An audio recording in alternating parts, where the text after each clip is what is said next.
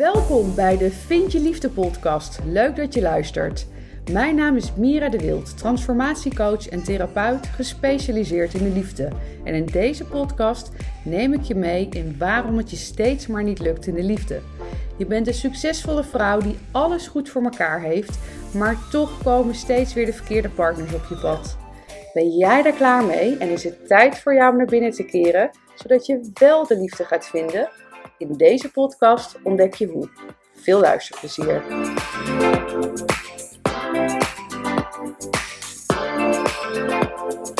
Hallo en welkom bij weer een nieuwe podcast. Deze podcast gaat over controle. De drang naar controle en vaak eigenlijk, ja, eigenlijk bijna dwangmatig gedrag wat je kan gaan vertonen om eigenlijk maar de controle te willen hebben. Wat natuurlijk schijn is. En misschien weet je dat ergens in je hoofd wel, misschien ben je daar ook niet van bewust. Maar het is een verdomde rotgevoel. Want dat is eigenlijk wat er gebeurt. Je bent de controle kwijt en dat voelt zo rot dat je hem weer wil terugkrijgen. En daar kun je soms alles voor willen doen. Nou, hoe dat allemaal in elkaar steekt, wat er gebeurt en hoe je dat op kan lossen, dat ga ik je vertellen in deze podcast. De aanleiding was, ik, ik, um, nou, ik kondigde aan 1 november. Ik ga iedere dag even live op uh, Instagram om wat meer te vertellen. Nou, dat was een iets te ambitieus plan, maar ik ga wel bijna iedere dag live op Instagram om je wat meer te vertellen over een bepaald onderwerp in de liefde. Dus mocht je me nog niet volgen, dan is het interessant om me even te gaan volgen. Mira de Wild op Instagram. Um, maar met de podcast heb ik natuurlijk net wat meer tijd. En uh, deze week nam ik een video op over controle. En toen dacht ik, nou, daar ga ik een wat uitgebreidere podcast voor je over opnemen. En ja, Waar zal ik beginnen? Want zo simpel is het, uh, is het nog niet. Wat er, wat er vaak gebeurt is dat je in een uh, liefdes relatie. Of in een, in een relatie. En of het nou is dat je aan het daten bent. Of je bent al wat uh, langer bij elkaar. Dan wil je graag de bevestiging dat de ander je nog leuk vindt. Of dat de ander je überhaupt leuk vindt. En vooral wanneer je in, uh, in de dynamiek van de bindings- en verlatingsangst zit. En jij waarschijnlijk degene bent in de, in de verlatingsangst. Maar misschien ben je er nog niet achter of dat zo is. Dan hoeft het beestje ook geen, uh, uh, geen naam te geven. Waar het in ieder geval om gaat, is dat jij het heel erg nodig hebt om de bevestiging van de ander te krijgen. Of hij jou nog wel leuk vindt. En dit kan echt doorslaan, waarbij je je niet eens eens bewust bent dat je bepaald gedrag vertoont, omdat je een bepaalde bevestiging uh, wil hebben. Het lijkt wel of het je overneemt. En ik denk dat de meesten die hier naar luisteren dat echt wel herkennen. Dat um, ik, ik geef altijd het, dit is een voorbeeld wat ik altijd maar blijf benoemen, omdat dit een voorbeeld is wat natuurlijk voor zoveel mensen zo herkenbaar is. Uh, je stuurt een appje en je krijgt niet direct een antwoord terug. En nou ja, dat gaat nog een half uur goed, maar op een gegeven moment word je er meer bewust van. En vooral als je zelf niks te doen hebt, dan wordt dat natuurlijk helemaal een, uh, een drama verhaal. Um, en dan uh, neemt het je over. En dan kan je systeem als het ware niet rusten totdat jij een appje terug hebt gekregen. Dit slaat natuurlijk helemaal door. Uh, de, de vinketering noemen ze dat. Hè? Als jij dan ook nog eens ziet dat de ander jouw berichtje wel heeft gelezen en niet heeft gereageerd. Ook dat gaat misschien nog wel een kwartiertje goed, hè? want dan denk je, ja, dat kan even gebeuren. Maar dan is het eigenlijk iedere minuut die verder gaat, word je gekker en gekker. Je, eh, het, het neemt je over. Het neemt op dat moment controle over jou. Omdat je, je kan als het ware, je kan gewoon geen, geen rust pakken. Want je bent dan in je hoofd alleen nog maar bezig met, ik moet dat appje krijgen. Je moet dus de bevestiging krijgen van de ander um, dat hij je nog ziet, dat hij je nog leuk vindt. Um, en wat daaronder zit, hier zit natuurlijk. Wat, wat er hier eigenlijk gebeurt, is je wordt aangeraakt in een trigger. En als je aangeraakt wordt in een trigger, dan weet je, hier zit altijd wat onder. Een ander kan jou niks aandoen. En dat is even, dat moet ik even nuanceren. Want um, stel je zit in een relatie en de ander gaat vreemd, dan zie je dat natuurlijk van ja, maar hij heeft dat gedaan. Hij heeft mij dat aangedaan. En natuurlijk, je hebt afspraken in een relatie en die, heeft, die is de ander dan niet, uh, niet nagekomen. En dat is dan uh, natuurlijk uh, niet oké. Alleen het, hoe het jou raakt, is afhankelijk van in hoeverre een trigger bij jou aangeraakt wordt. En een trigger is altijd een reactie op een pijn die eronder zit. Dus voor de meeste mensen die in deze problematiek zitten, is afwijzing een supergrote trigger.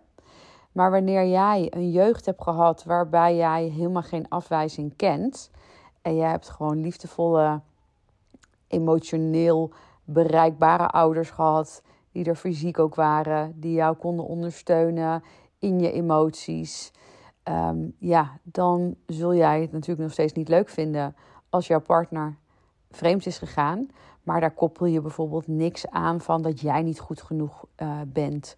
Of daar blijf je ook niet eindeloos in hangen. Want dan is het gewoon, ja, dit is heel kut.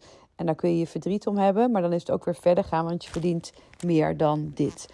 Terwijl wanneer jij um, een verleden hebt van afwijzing. En vooral van, dat je dat kent vanuit je jeugd. Hè, en dat dat dus eigenlijk ook onverwerkte pijn en verdriet is wat daaronder zit. En iemand raakt jou op die trigger. Dan komt eigenlijk dat gevoel weer naar boven van hoe je dat ooit ook kende. Um, en dan ga je vanuit die oude pijn ook reageren op de ander. En vaak is het ook weer dat je je overtuigingen eraan koppelt. Hè? Dat, jij, uh, dat jij het niet waard bent. Of uh, zien er wel, niemand zal van me houden. Of niemand zal voor me gaan. Ik zal altijd alleen blijven. De, de, uh, de, de overtuiging die je eigenlijk altijd weer tegen jezelf vertelt. Wanneer jij je verlaten voelt.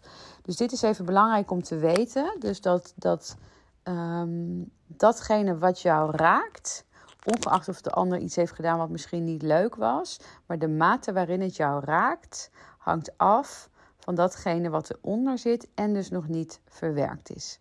Want uh, oude pijn kun je helen, kun je verwerken, kun je aangaan. Um, alleen daar zul je wel wat voor moeten doen. Dat gaat niet vanzelf. Uh, ik heb daar zelf het negen maanden traject van liefdespijn naar gelukkig zijn uh, voor ontwikkeld. Waarbij je echt stap voor stap gaat aankijken van hey, welke, welke trigger wordt hier nu eigenlijk aangeraakt? Wat zit hieronder? Welke pijn zit hieronder? Wat mag geheeld worden? Wat mag ik nog zien?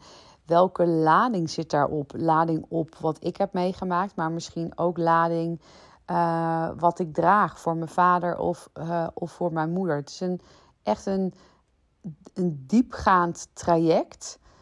Wat nou ja, vele malen dieper gaat dan, dan therapie-sessies. Uh, waarom? Omdat je vaak bij een therapeut kom je één keer in de vier weken. Daar zit je vijf kwartier en dan uh, moet je het de rest van de weken moet je het er maar mee doen. En dat is het voordeel ook van een online traject waarbij je wel mijn begeleiding ook krijgt. Is dat je altijd terug kan vallen op een hele academy uh, waar je terecht kan uh, voor je vragen. Waar informatie is, waar je meditaties kan doen. Andere vrouwen die in dezelfde problematiek zitten, daar contact mee kan hebben.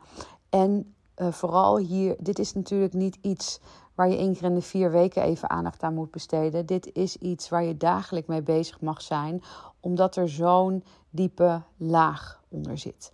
Nou, dat is eventjes een, uh, een, uh, een bruggetje. Maar is wel uh, goed om te weten dat er een oplossing is.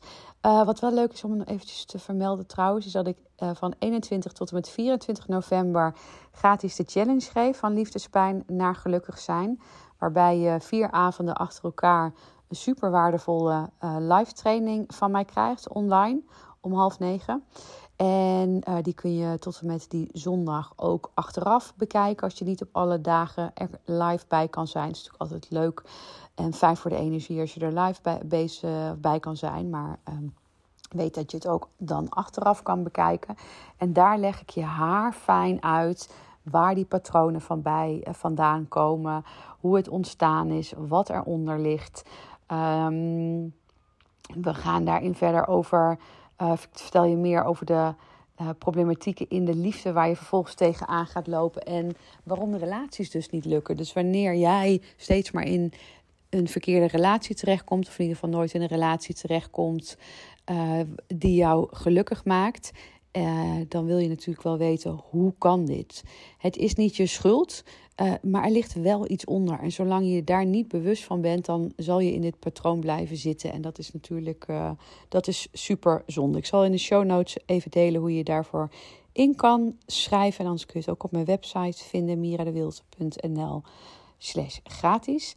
Het is nu nog even alleen voor vrouwen, maar uh, ik weet, want ik krijg steeds meer berichtjes ook van mannen. Vanaf volgend jaar ga ik me ook uh, uh, op mannen richten. Dus uh, ik vergeet jullie niet. En dus, dus, dat komt, komt helemaal goed. Dus als je een man bent en je luistert hiernaar, je wil er meer over weten, stuur me gerust een DM'tje. Um, maar weer even terug naar die controle. Um, want waarom leg ik dat nou uit van dat die trigger die, daar, die daaronder zit? Um, omdat of nee, moet ik even zeggen dat een trigger die aangeraakt wordt, omdat daar een pijn onder zit. Die komt dan eigenlijk als het ware naar boven. En dat is gewoon een kutgevoel. En dat wil je niet voelen. En om dat maar niet te hoeven voelen, ga je eigenlijk je focus leggen op ik moet die controle hebben, want ik wil, ik moet van dit gevoel af. Ik, weet je, ik, ik, dit, dit wil ik niet voelen. Um, ik moet hier vanaf. Dus ik moet die bevestiging hebben van de ander. En dan ga je dus dwangmatig bezig zijn om dat berichtje te krijgen. Of, uh, want ik kreeg ook een berichtje van iemand uh, uh, via mijn Instagram. die zei: Ja, dan ga ik, het gaat zelfs zo ver. Dan ga ik controleren of die wel thuis is. Of, of wat hij aan het doen is. Iedereen herkent dat ook wel. Hè? Dat je um, tot irriterend toe voor jezelf dat je social media kanalen gaat controleren. Uh, dan ga je naar zijn Facebook, dan ga je naar zijn Instagram, dan ga je kijken wie er een bericht uh, heeft geplaatst. En je bent dus echt zo'n um, controlegedrag aan het laten zien om maar niet daar te hoeven zijn waar het pijn doet. En dat wordt dan op een gegeven moment super dwangmatig. Wat voor jezelf natuurlijk mega vervelend is. Want uiteindelijk, kijk, want ik zeg dan dat je wil eigenlijk niet bij een gevoel zijn. Dus ga je maar allerlei dingen eh, doen om daar niet te hoeven zijn. Maar in die end zit je natuurlijk alsnog met dat, met dat rotgevoel. Hè? Um, alleen de echte diepe pijn, ja, die is natuurlijk nog, nog een stuk heftiger. Waarbij het echt essentieel is om dat wel echt aan te gaan. Alleen, ja, je weet waarschijnlijk niet hoe.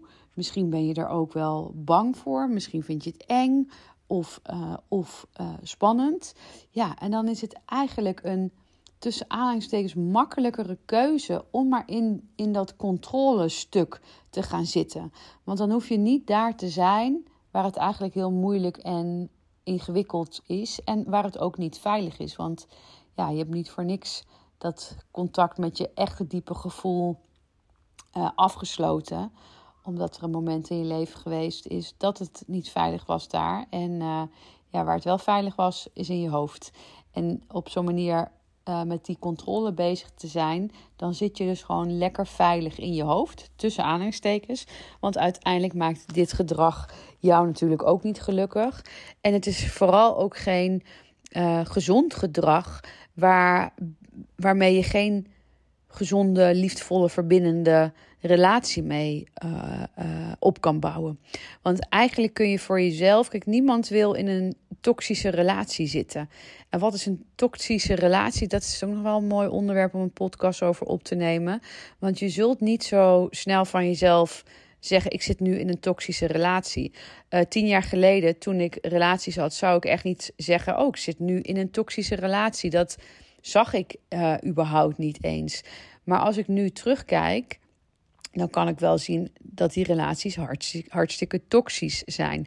Eigenlijk wanneer je dit heftige controlegedrag gaat vertonen, uh, dan is het voor jezelf al zo'n klikmoment van: oh jee, ik vertoon nu zelf gedrag wat redelijk toxisch is. Dat wil niet zeggen dat jij toxisch bent, maar het gedrag, dus de actie die je laat zien, die is toxisch. Dat is niet fijn voor jezelf. Want wanneer jij in een gezonde, fijne relatie zit, dan heb je A echt niet zo dwangmatig die bevestiging van de ander nodig. Dat je, dat je eigenlijk als het ware buiten jezelf keert. Hè? Want dat, dat is wat er vaak gebeurt. Dat je er achteraf denkt: oh jezus man, lijkt wel of ik, of ik buiten mezelf uh, keerde.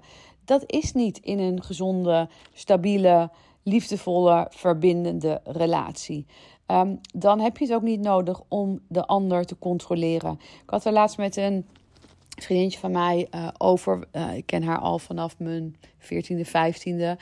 En een, um, uh, een, een, een, nou ja, een vriend, niet, niet een vriend in de zin van die je, die je heel vaak ziet, maar die wij ook al kennen vanaf onze 18e.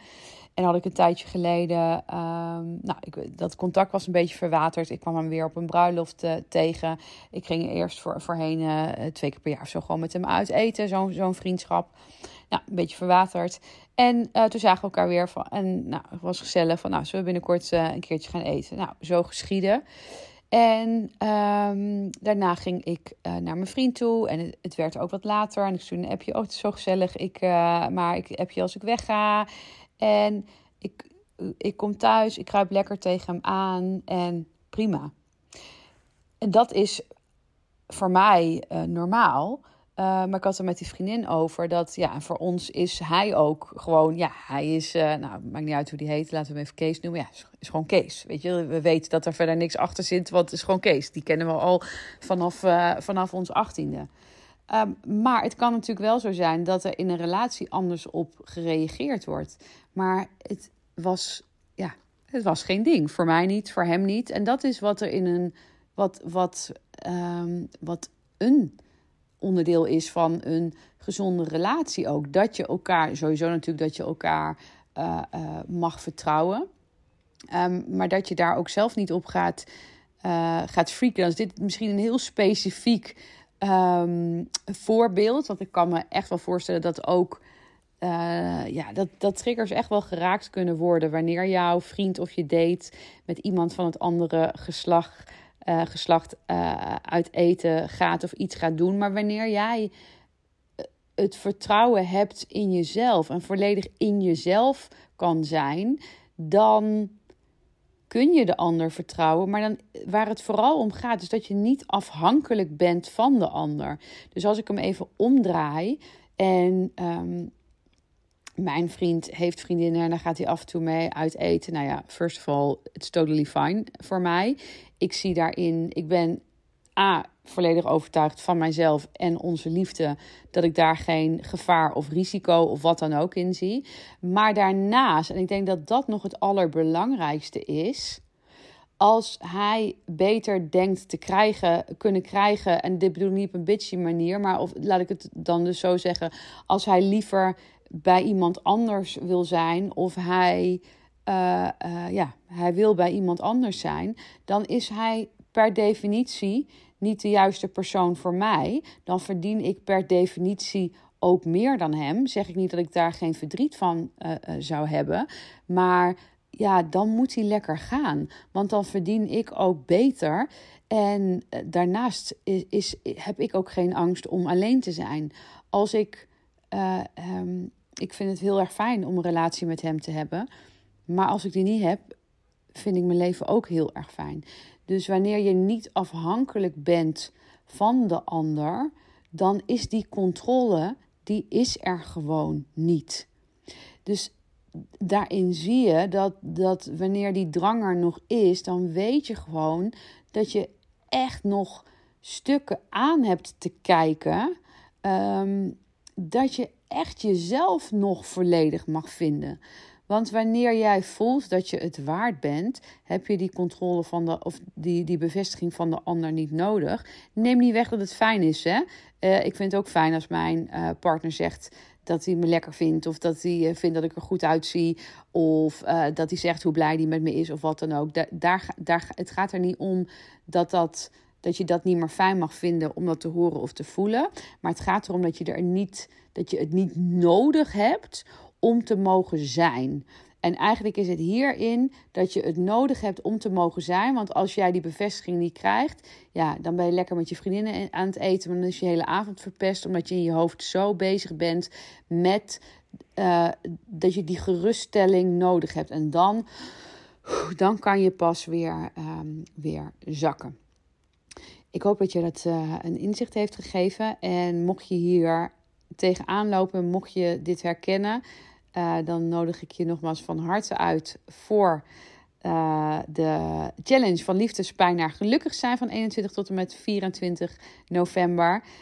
het gaat heel bijzonder worden. Dat is het altijd. Het is, ja, het is onvoorstelbaar wat deze vier dagen voor jou gaan betekenen wanneer je erbij bent en wanneer je luistert, is dit, dit is voor zoveel vrouwen een start geweest van zo'n grote change, van zo'n grote transformatie. En dat gun ik jou natuurlijk ook. Dat is ook de reden waarom ik ben gaan doen wat ik doe. Ik vertel je ook tijdens deze dagen over het negen maanden traject van liefdespijn naar gelukkig zijn. En ik weet dat er veel vrouwen uh, uh, zijn die daar uh, nieuwsgierig naar zijn. Ik krijg daar ook veel berichtjes over via Instagram. Dus dat is een mooie mogelijkheid om te horen wat het precies inhoudt, wat we daarin precies gaan doen, wat het voor jou kan betekenen. En um, ja, omdat het Black Friday week is, heb ik ook nog een speciale verrassing voor je. Dus leuk als je erbij gaat zijn. Heb je er vragen over, stuur me even een DM'tje. En um, nou, ik hoop jou gewoon heel erg graag te zien online vanaf 21 november. Tot de volgende. Doei doei. Hey, hier ben ik nog even. Herken jij je ook in de vrouwen die ik persoonlijk begeleid in hun transformatieproces? Dan heb jij het vast ook supergoed voor elkaar in je leven, maar wil het in de liefde maar niet lukken. Je bent zo langzamerhand wel klaar met de liefdesdrama's en de verkeerde partners die je aan lijkt te blijven trekken. Ik snap dit helemaal. Spreek het je aan om de liefde, warmte en genegenheid niet langer te zoeken buiten jezelf, maar in jezelf? En wil je succesvol zijn op alle gebieden in je leven, dus ook in de liefde? Wil je dat ik met je meedenk over de stappen die je hiervoor mag gaan zetten? Vraag dan een vrijblijvend gesprek met me aan via www.miradewild.nl/gesprek. Tot snel!